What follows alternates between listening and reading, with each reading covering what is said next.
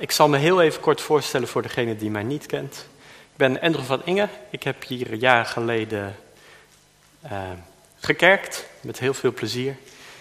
Uh, ik woon nu in Hilversum. Daar mag ik ook af en toe voor gaan. En ook ja, gemiddeld eens per jaar afgelopen tijd heb ik ook het voorrecht om hier voor te mogen zijn. En dat doe ik met heel veel plezier. Dank jullie wel. Mijn uh, preek van vandaag luidt de onzichtbare God kennen. Er zijn kinderen in de zaal, zie ik. Ik kijk vooral even naar links, maar ook naar rechts. Wie van jullie kinderen heeft God wel eens gezien? Ik zie uh, schuddende gezichten. Nou, je hebt een goede antwoord hoor. Dat geeft niet. Klopt, je hebt God nog nooit gezien. Ik laat graag de Bijbel spreken. In 1 Johannes 4, vers 12 tot 20, daar staat: Niemand heeft ooit God gezien. Als wij elkaar lief hebben, blijft God in ons en is zijn liefde in ons volmaakt geworden. Hieraan weten wij dat wij in hem blijven en hij in ons doordat hij ons van zijn geest gegeven heeft. Als iemand zou zeggen, ik heb God lief, en hij zou zijn broeder haten, dan is hij een leugenaar. Want wie zijn broeder, die hij ziet, niet lief heeft, hoe kan hij God lief hebben, die hij niet gezien heeft? Johannes geeft toe dat we God nog nooit gezien hebben. Hij geeft aan zo van, Wees goed voor elkaar. Want als je beweert een gelovige te zijn en als je beweert van God te houden, hoe kun je nou zeggen dat je van een God houdt die je niet ziet, maar dan iemand die je wel ziet niet lief hebt? Hoe kan dat nou? Nou, ik ken jullie hier zo en ik geloof dat het wel goed zit, dat jullie wel omzien naar mensen om je heen. Dat jullie zorgzaam zijn. Los van een onzichtbare God zijn, wordt God soms ook wel als een onbekende God gezien. Paulus die was in Athene, een stad waar veel wijze mensen waren, waar veel mensen godsdienstig waren, waar ze graag het hadden over allerlei godsdienstige zaken waar, we, waar ze graag met spiritualiteit bezig waren. En hij had er eens rondgekeken, want hij was wel benieuwd naar hoe dat dan, hoe dat dan was, wat voor goden ze dan allemaal hadden. En hij had opgemerkt dat er ook een altaar was voor de onbekende God. En Paulus dacht, aha, hier haak ik op in. Nou, eigenlijk was het zo dat hij in gesprek was met een paar mensen en een groep mensen had horen vallen dat hij een of andere Jezus verkondigde en een of ander iemand die opstanding heette. En ze waren daar wel benieuwd naar, ze waren wel nieuwsgierig. Dus ze gaven hem het woord. Ze zeiden, leg eens uit, hoe zit dat? En toen zei hij, mannen van Athene, ik merk dat u in alle opzichten zeer godsdienstig bent. Want toen ik de stad doorging en uw heiligdommen bekeek, trof ik ook een altaar aan waarop het opschrift stond aan een onbekende God. Deze dan, die u zonder dat u hem kent, nee, deze dan, die u dient zonder dat u hem kent, verkondig ik u. En dan krijgt hij de gelegenheid om dus zijn God voor te stellen. De onbekende God, de God die niet bekend was voor de anderen, voor de Atheners, voor de mensen in Areopagus. Hij had de kans om hem voor te stellen. Hoe zouden jullie God introduceren? Hoe? Tadaa! En met wat voor beschrijving?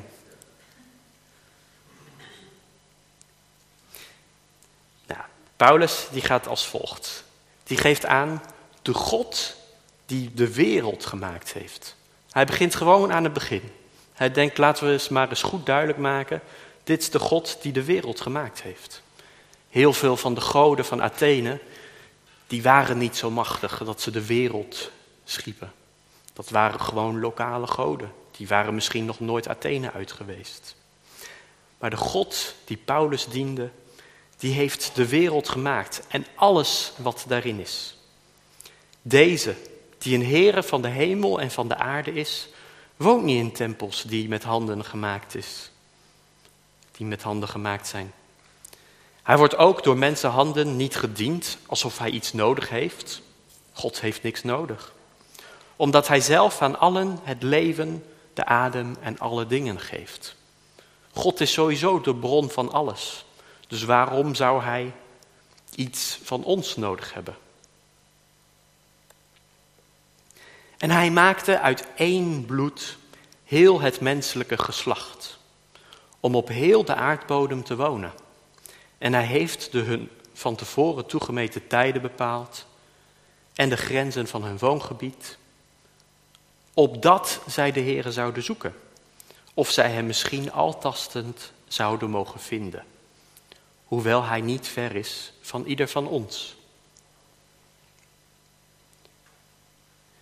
We zien dat God dus ons gemaakt heeft, opdat we de Heere zouden zoeken.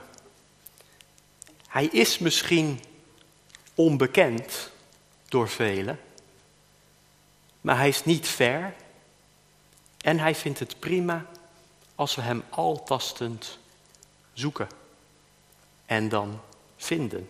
Dat is ook wel zijn doel.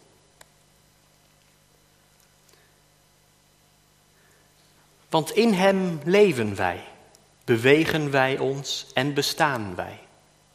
Zoals ook enkele van uw dichters gezegd hebben, want wij zijn ook van Zijn geslacht. Wij nu die van Gods geslacht zijn, moeten niet denken dat de Godheid gelijk is aan goud, zilver of steen, een product van de kunstzinnigheid en gedachten van een mens. Hier vertelt Paulus dat wij dezelfde genen hebben als God. We hebben hetzelfde DNA. Wie van jullie houdt van wetenschap of biologie? Wie van jullie heeft ook een beetje verstand van biologie? Een beetje, ik zie een beetje. Hmm. DNA is datgene wat aangeeft hoe wij zijn, hoe wij worden. Het is niet per se zo dat twee mensen met identiek hetzelfde DNA er ook precies hetzelfde uitzien. Maar je hebt wel dezelfde eigenschappen, dezelfde dingen in je. En zo zijn wij ook van het geslacht. Zo hebben wij ook de genen van God.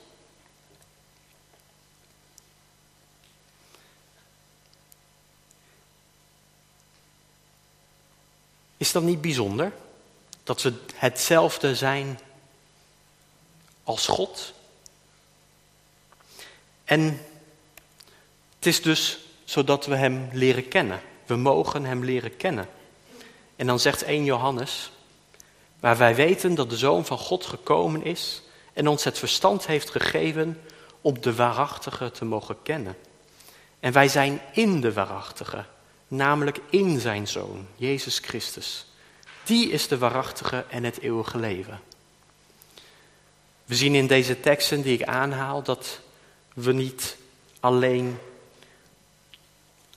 van Gods genen hebben, maar ook in Christus zijn. En alleen in Christus kun je ook als God zijn. Als je buiten Hem bent, dan ben je weer anders. Maar ik wil even terug naar deze handelingen. Ik heb niet alle versen opgeschreven, maar als je hier kijkt, ik gaf net aan, zo van je moet wel in Christus zijn. Maar het mooie is, vers 30 is dat volgens mij van Handelingen 17. Daar staat, God kijkt niet meer naar de tijd, of God kijkt niet naar de tijd dat je hem niet kende, dat boeit hem niet zo, dat interesseert hem niet echt. Hij kijkt en is blij met het feit dat je hem nu wel kent.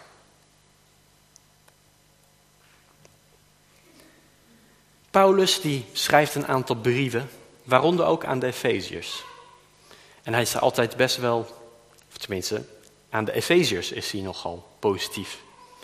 Hij schrijft hun, ik heb gehoord dat jullie in de Heer Jezus geloven en dat jullie van alle christenen houden. Daarom dank ik God voor jullie allemaal. Ik noem jullie in al mijn gebeden. Ik vraag dan aan God of Hij jullie door de Heilige Geest nog meer wijsheid en inzicht wil geven. Dan, want met die wijsheid en inzicht, dan kunnen jullie Hem steeds beter leren kennen. Hij is de God van onze Heer Jezus Christus en Hij is onze machtige Vader. Ik vraag God of Hij jullie inzicht wil geven. Dan zullen jullie begrijpen dat jullie door Hem zijn uitgekozen om gered te worden. Dat jullie allemaal bij Hem horen omdat jullie christenen zijn en hoe geweldig dat is. Vinden jullie het geweldig om christen te zijn? Of vinden jullie het ook maar moeizaam?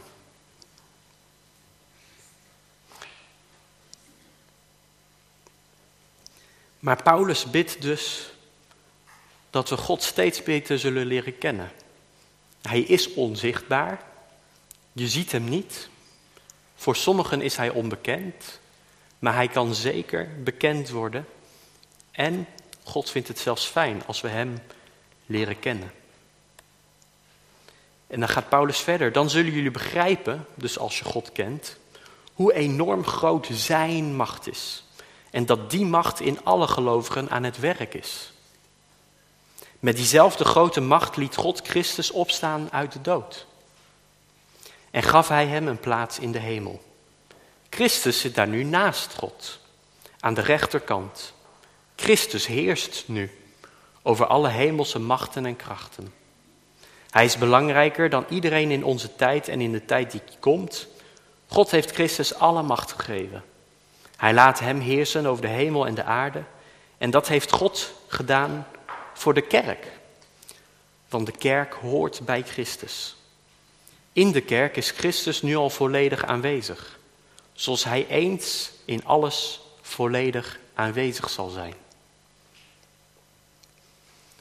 Dit is de Bijbel in gewone taal.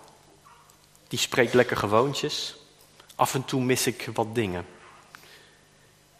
Ik heb hier onderstreept, ik weet niet of je het ziet, misschien sta ik er net voor. De zin is, en dat heeft God gedaan voor de kerk. Want de kerk hoort bij Christus. Als je in het Grieks kijkt, of in andere Nederlandse Bijbelvertalingen, dan zie je daar, want de kerk is het lichaam van Christus. Het lichaam van Christus zijn vind ik wel ietsjes anders overkomen als het hoort erbij. Ik heb vandaag dit overhemd aangetrokken en vandaag hoort dit overhemd bij mij. Vind ik zelf. Nou, ik heb geen horloge meer, al jaren niet. Maar als je een horloge draagt, dan hoort die bij jou. Of niet, Harm? Ja, hè? Of deze bril. Eens in de twee jaar of zo vernieuw ik die. Dus tot die tijd dat ik een andere neem, hoort die bij mij. Maar zo is het niet met wij. Wij de kerk. Nee, wij zijn het lichaam van Christus. Wij zijn deel van het lichaam. Mijn hand vervang ik niet eens in de twee jaar. Mijn schoenen veel vaker, maar mijn voeten ook niet. Wees je bewust dat je deel bent van het lichaam van Christus. En ook degene die naast je zit. Allemaal zijn wij één, één in Christus. En God is in ons aan het werk. En God wil in ons aan het werk. En dat kan niet uit eigen kracht, maar door zijn Heilige Geest. Dit was de brief aan de Efezen. Als ik dat niet zou noemen en zo meteen even de brief aan de Colossense lees, dan zouden jullie denken, Zit hij nou twee keer precies hetzelfde te zeggen? Zit, heeft hij niet goed genoeg genoteerd dat hij dat al gehad heeft? Nou, Paulus die moest af en toe brieven schrijven aan verschillende gemeenten. En ook aan Colossense schrijft hij bijna hetzelfde als aan de Efeziërs. Hier geeft hij ook aan dat Epaphras aangeeft dat die gemeente veel van elkaar houdt. En dat hij voor ze bidt. En dat ook hun bidt hij wijsheid en inzicht toe. Ook zodat ze kunnen begrijpen wat God wil. En als jullie weten wat God wil, dan kunnen jullie altijd doen wat Hij verlangt. Het is heel gebruikelijk momenteel, nou misschien vroeger ook wel hoor, maar zo oud ben ik nou ook weer niet. Maar om te willen weten wat nou je doel is in het leven. Er zijn tig boeken over geschreven. Ze staan waarschijnlijk in de top 10 van de boekenlijsten. Wat is het plan voor jou? Wat is jouw destination? Uh, hoe moet het nou verder met je leven? Wat kun je doen om groot te worden? Of uh, wat kun je doen om er niet aan onderdoor te gaan? Mensen zoeken naar wat nou het, de zin van mijn leven? Waarvoor ben ik hier? De oude levensvragen. Weten jullie wat God wil? Zo niet, bid er dan voor. Vraag om wijsheid en inzicht. En dan, maar ook nu, kunnen jullie leven op een manier die bij christenen past. En dat betekent dat jullie veel goede dingen zullen doen en God steeds beter zullen leren kennen. Dus als je leeft als een christen, dan zul je ook steeds beter God leren kennen. En God zal jullie steunen met zijn grote hemelse macht. Hij zal jullie kracht geven. Yes, kracht. Laat ik maar snel wat doen. Kracht, dan kan ik waarschijnlijk echt geweldige dingen doen. Dan gaat het waarschijnlijk supergoed met me als ik kracht heb. Maar hier geeft Paulus aan, hij zal jullie kracht geven om geduldig vol te houden in alle moeilijkheden.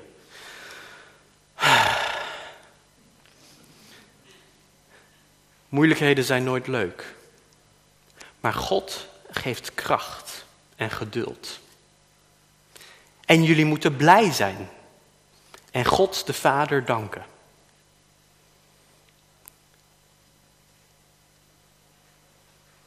Jullie moeten blij zijn en God de Vader danken.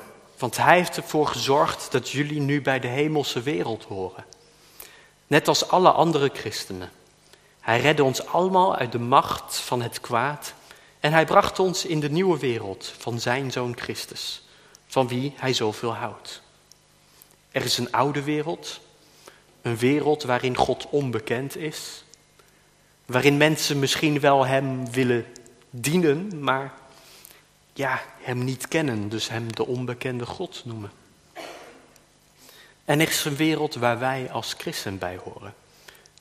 Een wereld waarin we God kennen. En dit vers is eigenlijk waarop deze, waar de inspiratie voor deze preek vandaan komt. Waar ik ook zag dat God onzichtbaar is. In de herziene staatsvertaling staat dan in Colossense 1 vers 15, Hij, Jezus, is het beeld van de onzichtbare God. De Bijbel in gewone taal die schrijft, Christus heeft ons laten zien wie God is. Door Hem werd God zichtbaar. Alles is door Christus gemaakt en alles bestaat om Hem te dienen. Hij is belangrijker dan alles en iedereen. Hij is belangrijker dan alles en iedereen. Alles is op Hem gericht. Christus is het hoofd van de kerk. Met Hem is de kerk begonnen toen Hij als eerste opstond uit de dood. Alles is met Hem begonnen. Ik heb hier een paar keer sterretjes. Ook hier staat weer in de Bijbel gewone taal: Christus is het hoofd van de kerk. Maar Als je eens nadenkt over een hoofd, waar denk je dan aan? Ja, dit hoofd. Christus is ook gewoon het hoofd van het lichaam dat de kerk is, dat de kerk wordt genoemd. En met hem is het lichaam begonnen. En hier staat als eerste, toen hij als eerste opstond uit de dood. Maar dit stukje gaat over geboortes, over beginning, over beginnen. Jezus was, en dat is eigenlijk waarom ik het wilde vermijden, maar Jezus was de eerstgeborene. Niet in de zin van dat hij ontstaan is, maar hij was de eerstgeborene in de zin van hij was degene die als eerste, ja hij was het al vanaf het begin, op God leek. Hij was de eerste die mens zou worden, die er was en die op God leek. En Jezus, die heeft dus laten zien wie God is. Hij is het beeld van de onzichtbare God. Johannes 14 geeft ook aan, jullie hebben de Vader niet gezien, maar wie mij gezien heeft, heeft de Vader gezien. Over Jezus zijn maar liefst vier evangeliën geschreven. Er wordt niet heel veel verteld over zijn kinderjaren, maar wel over de tijd hoe hij was als jongvolwassene, als dertiger. Er zijn vier boeken vol van. En daarna nog heel veel andere boeken over hem geschreven. Dus mocht je willen weten hoe dan God de Vader is, lees dan over hoe Jezus Christus, de Zoon van God, hoe die is. En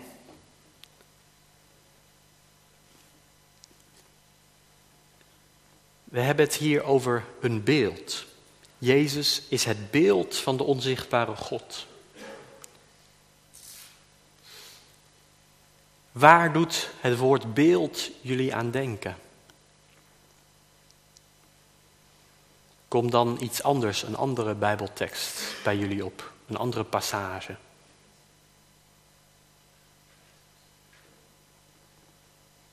Ik kijk naar de oudgedienden.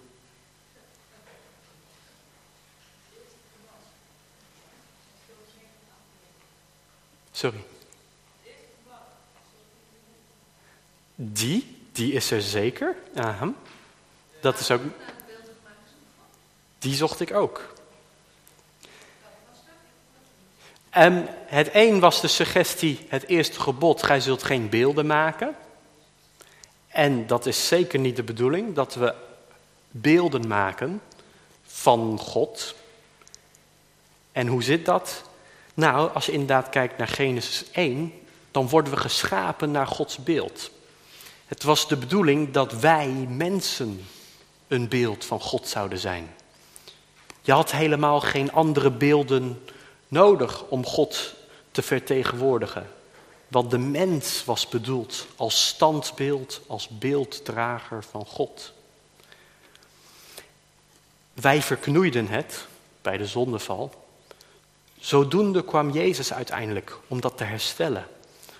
En was Hij zodoende zo'n beetje weer het eerste beeld van de onzichtbare God. Om weer te zorgen dat wij ook weer gewoon beelddragers van God konden zijn.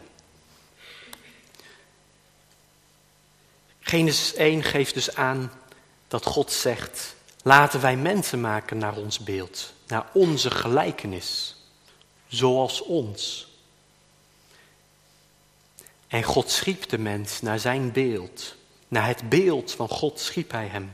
Mannelijk en vrouwelijk schiep hij hen. En ook 1 Johannes 5 geeft aan, want al wat uit God geboren is, overwint de wereld.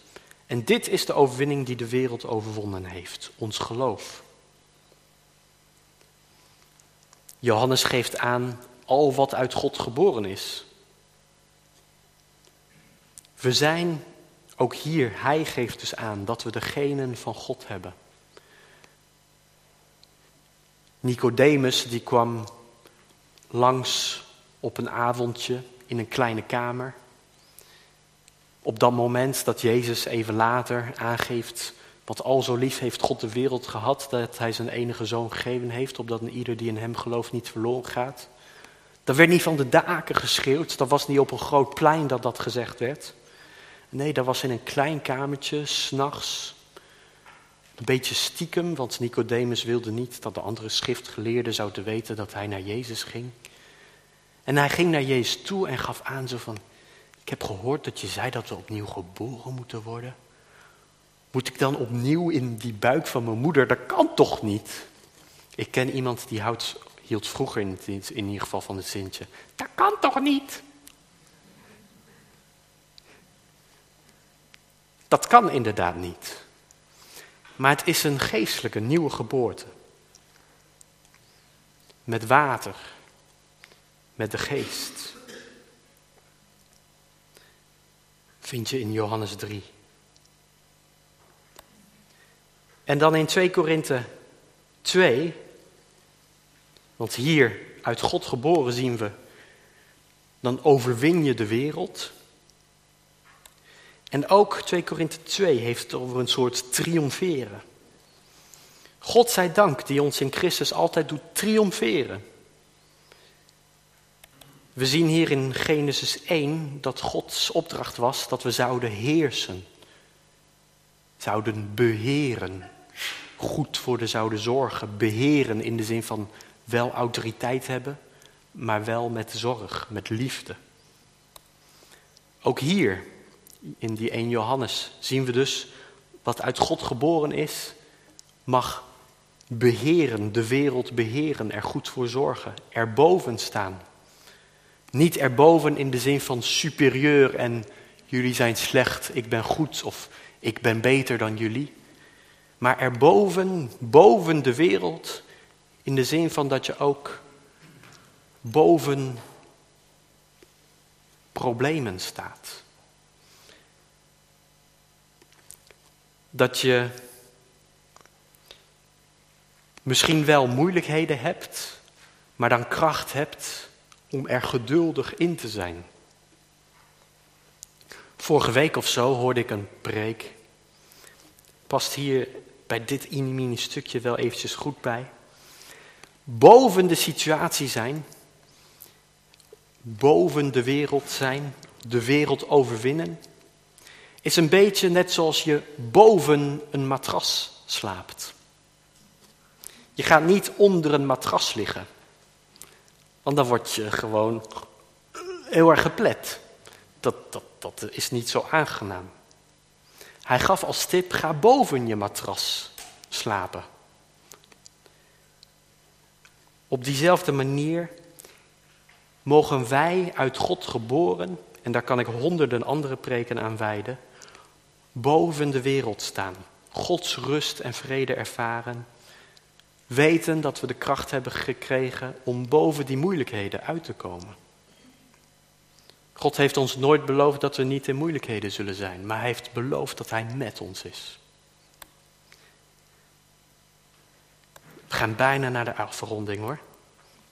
Maar we zijn dus, God zij dank, triomferen we En door ons de geur van zijn kennis op iedere plaats openbaar maakt. Dus we zijn niet alleen beelddragers, niet alleen zien we eruit als God.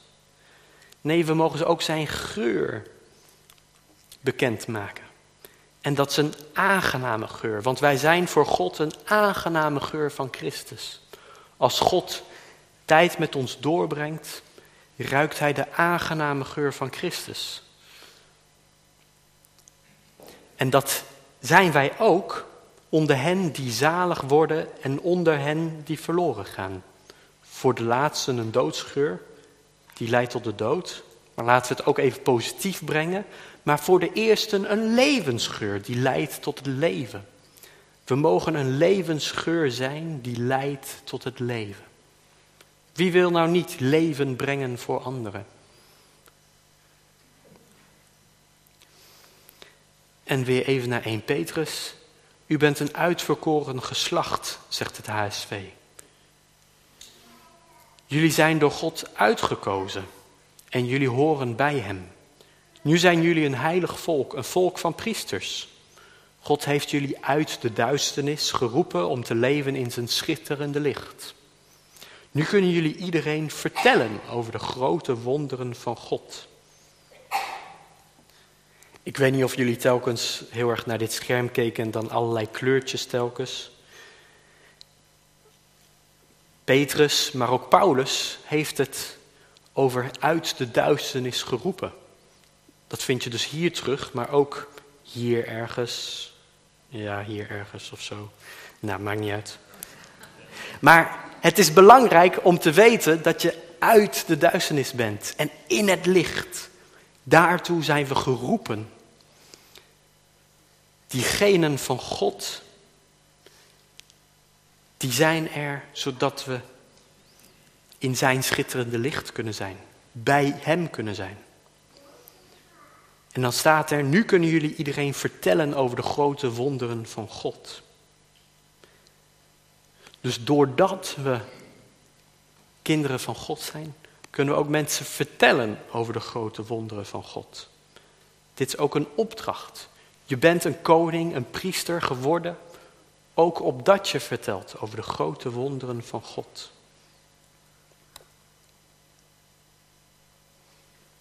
En dit is dan mijn laatste passage. We zijn uitverkoren.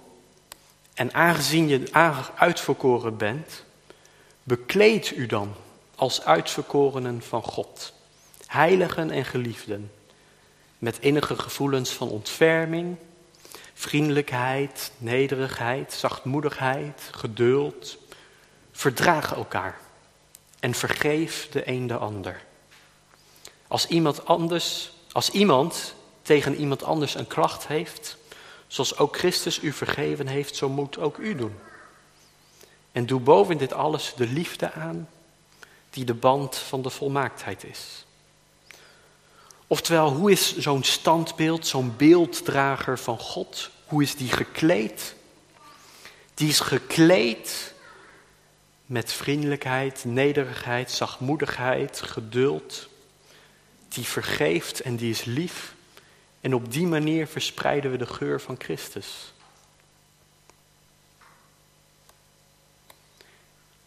En dan als laatste en als zegen, laat de vrede van God heersen in uw harten.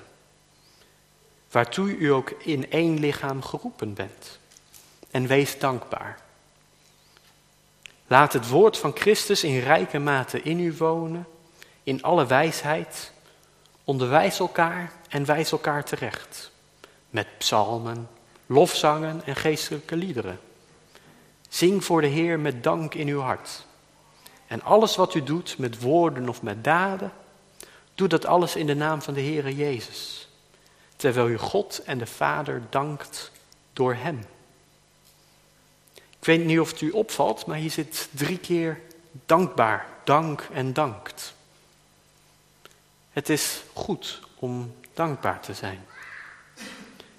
En het is goed om de vrede van God te laten heersen in je harten. En daar wil ik jullie mee zegenen en ik wil deze preek ook afsluiten met een gebed. Heer God, dank u wel dat we uit u geboren zijn. Heer God, dank u wel dat u zich laat vinden. Dat we u steeds beter mogen leren kennen. Dank u wel dat u de Heer Jezus gezonden hebt, zodat we ook een idee hebben van hoe het is om, om als u te zijn. Hij die de eerste beelddrager was. Heer, dank u wel dat u ons wilt zegenen met uw vrede, uw rust. Heer, ik bid dat u ons wijsheid en inzicht geeft. Heer, mogen we meer lijken op u. Heer, wilt u ons ja, daarin, daarin zegenen, daarin leiden. Wilt u ons vullen met uw Heilige Geest. Want zonder hem lukt het niet.